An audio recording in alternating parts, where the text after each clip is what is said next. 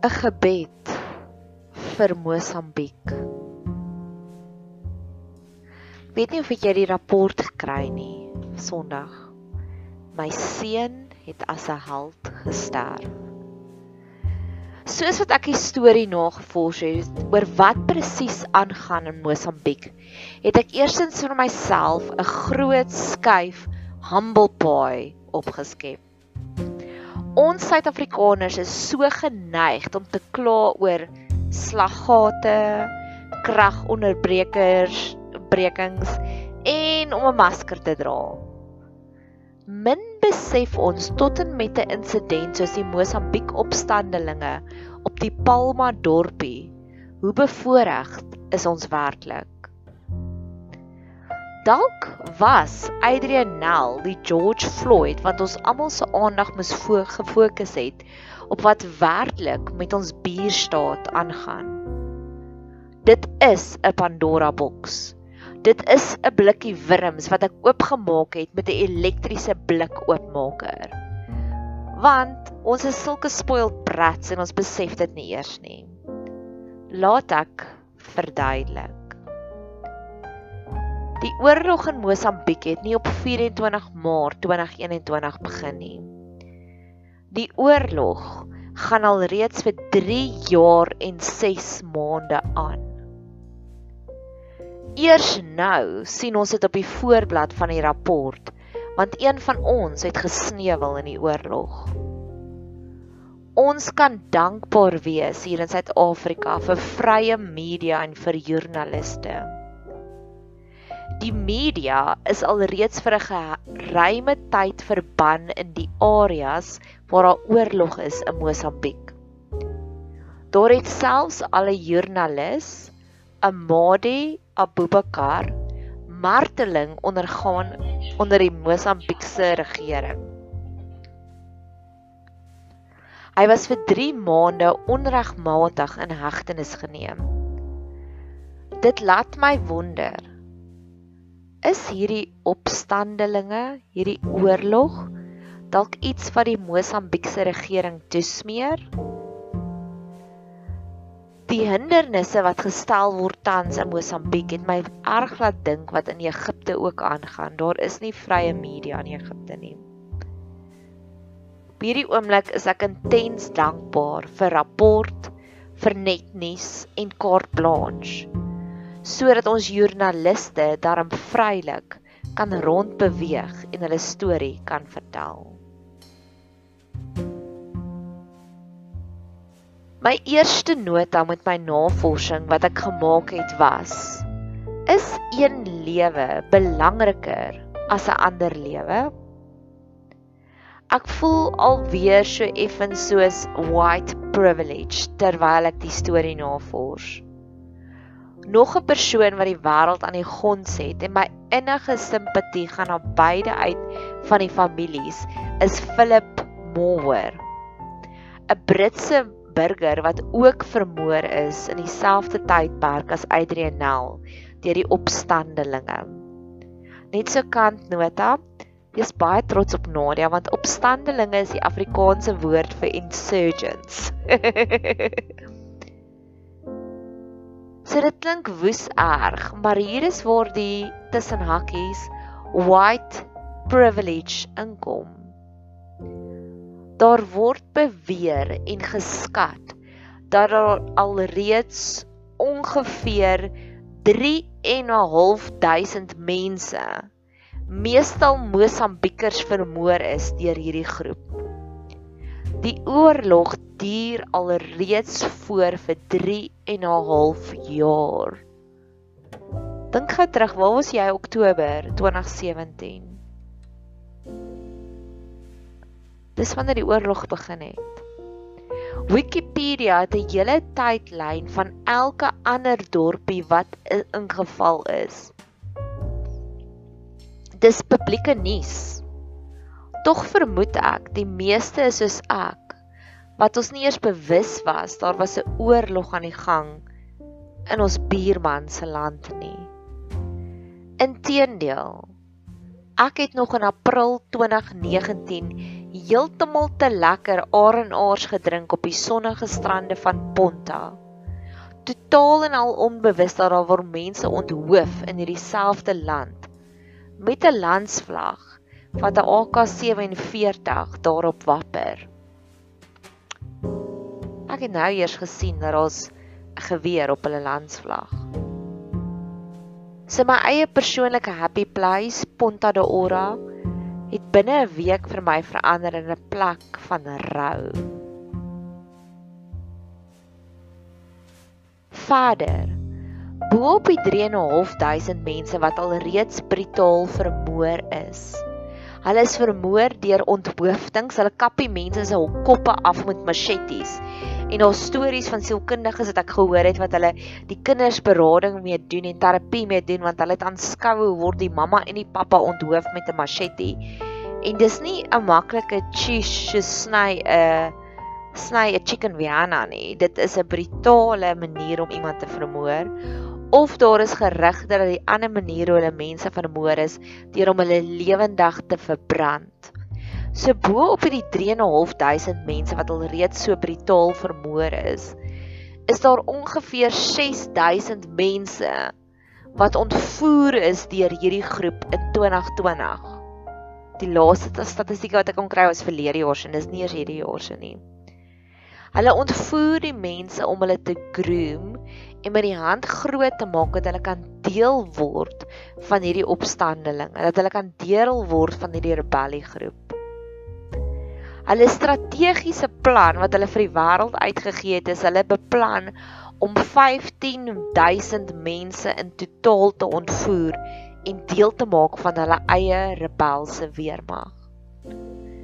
Dit sluit vrouens ook in wat basies gebruik gaan word as seksslawe sonder enige regte natuurlik. Hierdie aaklige nagmerrie gebeur nie in Sirië of in Jemen wat ver van ons af is nie.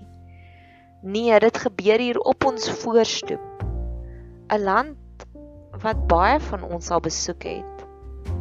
'n land waar baie van ons eiendom in besit het.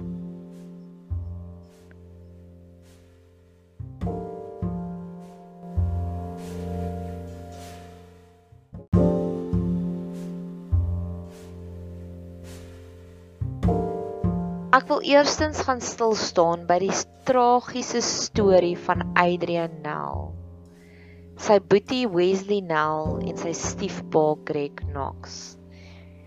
Ek is jammer, liewe Adrian, dat dit jou jou lewe gekos het om ons Suid-Afrikaners wakker te skrik. Weet net dat jou dood het almal van ons wakker geskrik. Jou storie word oor en oor vertel. Dankie, Adrian Nell, vir jou bravado om jou lewe keer op keer op die spel te plaas verander. Ek kan my net indink hoe verlate moes die familie gevoel het. Keer op keer vertel hulle in onderhoude hoe het hulle met satellietfone gesmeek het vir hulp, maar niemand het gekom nie. Dis abandonment. Ek vertel ver oggend toe ek gaan stap uit vir 'n vriendin Darm as ons lewe in gevaar is, is daar 'n hele string mense wat ons kan bel vir hulp en hulp sal kom. Hoe verlate en verwerp moes die familie en die res van die inwoners nie gevoel het in daardie Amarula hotel nie. Ek het die selfoon video's gesien op YouTube van die konstante skote en mortiere wat hulle omsingel het by Amarula Hotel. Die familie was van Woensdag aand af vasgekeer in die Amarula Hotel. Teen Vrydag het hulle besef hulle moet nou hulle eie superheroes wees en hulle eie ontsnapplan uitwerk. Twee aande se niks slaap nie. Ek het gesien op selfoon footage hoe hulle plat lê op die grond in die kroeg van die hotel te bang om op te staan. Te bang 'n koel bring die doodsengel engel nader. Ek wonder hoe hulle gaan piepie. Ek wonder kry 'n mens ooit sulke behoeftes as jou lewe so in gevaar is? Adrian, jy was die hero. Ek wens eintlik Bok van Blerk wil 'n liedjie oor jou skryf iewers. Die moderne Delaray of so iets. Ek sal die digkuns maar vir die experts los. Jy het 3 keer gehardloop om 'n AK47 te steel in 'n verlate voertuig net buite die hotel. Ek wonder en ek kon niks sien in my navorsing nie. Want die arme broer Wesley is nog heeltemal te getraumatiseerd. Ek wonder Adrian, het die vuurwapen julle ooit gedien? Ek is so intens jammer vir die familie se verlies maar ek kon die ware liefde sien tussen die broers. 'n Hemelse agape liefde. Op die laaste video's wat hulle vir mekaar gemaak het in die Amarula Hotel. Dis so 'n groot tragedie. Vir Adrian se drie kinders. Weet net julle pappa was 'n hero. Nie net in ons boere nasie se oë nie, maar sommer nou in die hele wêreld se oë na 3 en 'n half jaar se oorlog. Na jou pappa se upgrade na die hemelkamers. Nou weet die hele wêreld van die Mosambiekse oorlog. So op 'n ligter noot. So 'n bietjie logistiek. Cabo Delgado is die provinsie. Dis die hierdie provinsie wat die opstandelinge of die rebelle probeer onder hulle duim kry. Palma is die dorpie waarin die mees onlangste aanval gebeur het. En Pemba is die hoofstad van die provinsie. As jy soos ek is, ek raak soms soms baie te mekaar met al hierdie volksvreemde name. Die provinsie is Cabo Delgado.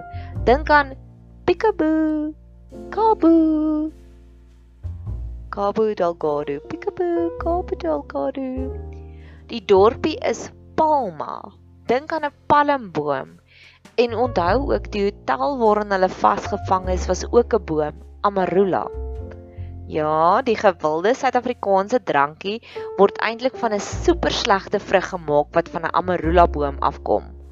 So Palma, palmboom, Amarula die hotel. En die hoofstad is Pemba. Dink aan Lion King se Timon en Pumbaa Pumba was die groter een van die twee diertjies, so dis die assosiasie met die hoofstad. Die redders in die verhaal was die volgende organisasie: DAG. Dit staan vir Dike Adversary Group. Hulle is 'n Suid-Afrikaanse organisasie. Hulle voorsien sekuriteit en het met kleine kleine Kazel helikopters 200 mense gered nadat die dorpie aangeval is. Hulle het die mense gered, hulle het hulle gaan soek en hulle het hulle opgepik vanuit die oorlogbesaaide Palma. Hulle is ook die heroes in ons oë. Ek het vroeër gepraat van die verlatenheid en abandonment wat die arme familie moes ervaar het want wie almal het hulle misluk. Kom ons lys die toedeure wat hulle moes ervaar het. Eerstens die Mosambiekse weermag wat on, veronderstel was om hulle te help. OK, kantnota, waarmee hou die Mosambiekse weermag hulle besig? Hulle vang en martel nou wel weer goeie joernaliste, onthou jy, soos Amade Abubakar. Die tweede persoon of die tweede organisasie wat hierdie familie misluk het, was ons eie weermag. Waarmee hou hulle hulle self tans besig? Hulle veg teen hulle eie burgers om hulle maskers te dra. Want al hierdie chaos gebeur te midde van 'n pandemie. En ook derdens het ek gehoor en dit maak vir my sin dat Total die Franse gasmaatskappy myn het ook verskeie sekuriteitsmaatskappye aangestel om hulle self en hulle kontrakteurs te beskerm. Al drie hierdie organisasies en instansies was 'n totaal en alle no-show vir die inwoners van Amarula Hotel. Terwyl daar geweerskote en mortiere afgegaan het vir ongeveer 36 uur terwyl hulle in die Amarula Hotel weggekruip het. Ek het die video's gesien. Ek skat daar het 'n geweerskoot omtrent elke 20 sekondes afgegaan. En dit was vir 16 uur 30 uur lank. Jy weet daai koue gevoel wat jy kry wanneer jy ry in jou motor en jy het net vinnig genoeg gedink en jy het letterlik 'n ongeluk gemis met 'n split sekonde en dan jou hele lyf laat rok sommer so lam. Hulle het so gevoel vir 36 uur. En dis net hulle. Nou dink ons nie eers aan al die Mosambiekers in die villages nie. Hoeveel trauma gaan ons nog toelaat terwyl ons ons koppe in die sand steek? So die hero is Dak. Dak stuur klein helikopters om die groot hoeveelheid mense op te tel. Alhoewel die Mosambiekse regering het groot Russiese weermag helikopters besit wat verseker kon help. Het hulle gedink dit is wys om eerder die kleintjies te stuur, die klein helikopters. Ek meen, de, gaan jy met 'n Mini Cooper die Bluebell span, Bluebell rugby span optel as jy 'n bus besit. Hoekom vat jy nie eerder die bus nie? Dis 'n relatiewe maklike som. Dak, die heroes van die verhaal, is toe ook sommer se muur daarna, nadat hulle hulle bravade bewys het, is hulle beloon met die volgende. Die feit dat die Mosambiekse regering nie hulle kontrak gaan verleng nie. Hulle kontrak om sekuriteit en hulp te verleen vir die Mosambiekse regering wat duidelik nie die mas kan opkom nie, het op die 3de April geëindig. En die Mosambiekse regering het gesê: "Dankie, goue handdruk, totsiens." Die rede daarvoor is want blykbaar word hierdie organisasie DEC word nou ondersoek omdat hulle war crimes begaan het. Want hulle het die opstandelinge geskiet voordat hulle 'n gehoor vir hulle gegee het, 'n verhoor. Hulle moes hulle eerder gearresteer het. Seriously. Hoe bizar kan hierdie storie nog raak? Die enigste organisasie wat bereid is om iets te doen aan die rebelle want hulle het nie net die mense gaan red nie. Hulle was die enigstes wat bereid was om in te gaan en al daardie mense te gaan help uit die Amarula Hotel uit. En hulle was die enigstes wat geveg het teen die rebelle in Palma en hulle kontrak word beëindig.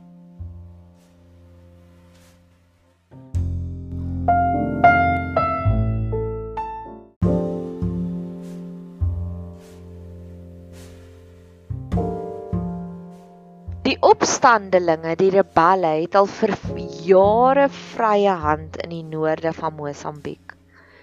Dis amper wat vir my slaaplose nagte gee. Ongeveer 700 000 mense het al reeds gevlug vanuit hulle dorpies. Hulle bly so swerwelinge in boskampies. Hulle sterf by die duisende in hierdie refugees camps weens wanvoeding en kolera uitbrake. En niemand sê enigiets nie. So nou en dan gaan laai die Mosambiekse regering darm vir hulle pakkie of twee reis af. My hart breek vir hierdie mense nog meer as vir Adrianel en Philip Bauer. Weereens Is een lewe meer belangriker as 'n ander lewe? Hoekom word die noodkreet van al die verplaaste, uitgehongerde mense geïgnoreer? Nou moet ons natuurlik gesels oor wat wil die rebelle hê? Wie is hulle en waarna is hulle op soek? Niemand weet nie. Die organisasie het 'n jare terug begin as 'n radikale islamitiese beweging. In 2017 het hulle begin om moskeeë af te breek, want hulle het gesê die mense in daardie moskeeë aanbid nie meer vir Allah soos wat hulle moet nie. So hulle gaan hulle leer hoe om godsdiens uit te oefen. Weereens laat dit my dink aan die Spanish Inquisition. Dit was weer eens 'n oorlog wat begin het met godsdiens, dogmas en tradisies. Maar iewers vermoed ek beide hierdie instansies het hulle plot verloor. Die rebelle plunder nou net dorpies. Niks gaan nou meer oor godsdiens nie. Daar is sekere teorieë wat filosofeer dis uit armoede wat die groep opstaan. Hulle sal 'n dorpie inval, plunder en die kos en kontant steel dan sal hulle wag totdat die weermag kom om orde te herstel. Dan sal hulle die weermag oorrompel en hulle wapens steel. So word die weermag net sterker en sterker. So word die rebelle net sterker en sterker. Daar sekerre mense wat beweer hulle ontvoer nie die inwoners van die dorpie nie. Ek het mos nou net gesê daar 6000 mense alreeds ontvoer. Hulle sê eerder die mense wat teorie gee, hulle bied vir die mense beter salarisse aan. Dan sê hulle kom, word deel van ons rebelse oorlog, weermag en ons sal dan vir jou salaris gee, ons sal vir jou geld gee.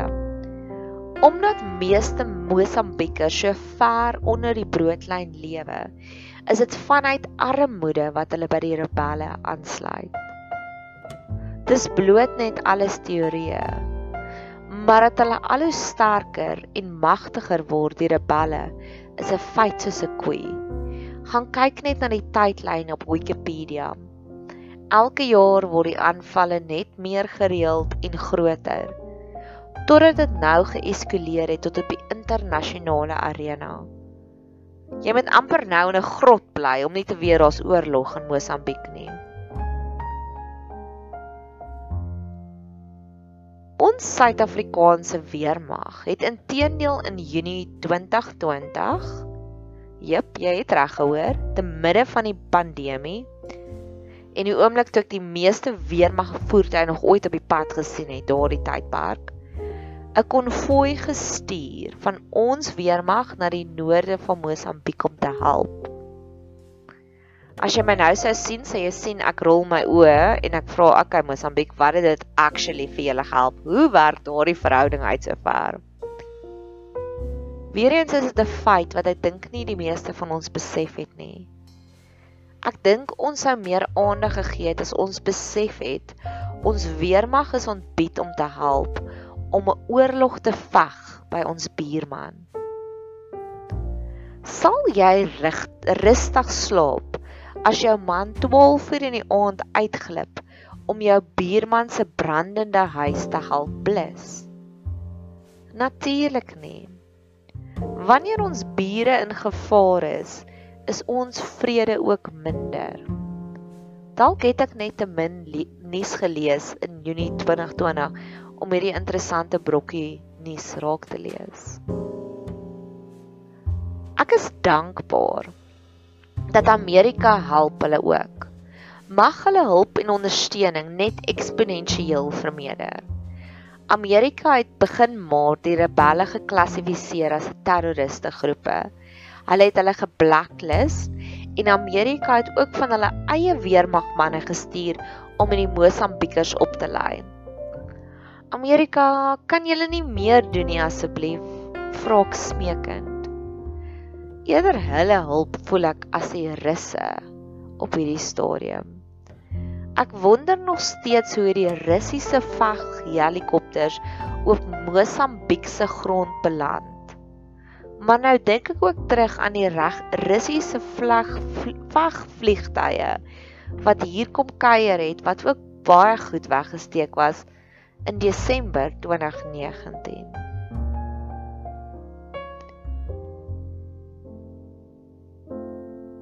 Laastens wil ek afsluit met die grootste misterie van dit alles. Mosambiek is die 6ste armste land in die wêreld.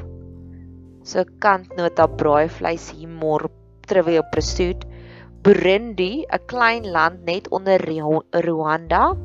Jep, onthou jy Rwanda, Shooting Dogs Hotel Rwanda. Dankie tog vir Hollywood wat ons vertel wat op ons eie kontinent aangaan. Is die armste land in die hele wêreld. So as jy nou pen en papier want ek gaan nou 'n paar sommetjies maak, wil nader skryf as jy baie welkom. Mosambiek se jaarlikse inkomste of die fancy mense noem dit GDP is 15 biljoen US dollars. Dit is 15 biljoen. Alles van hier af gaan in US dollars genoem word.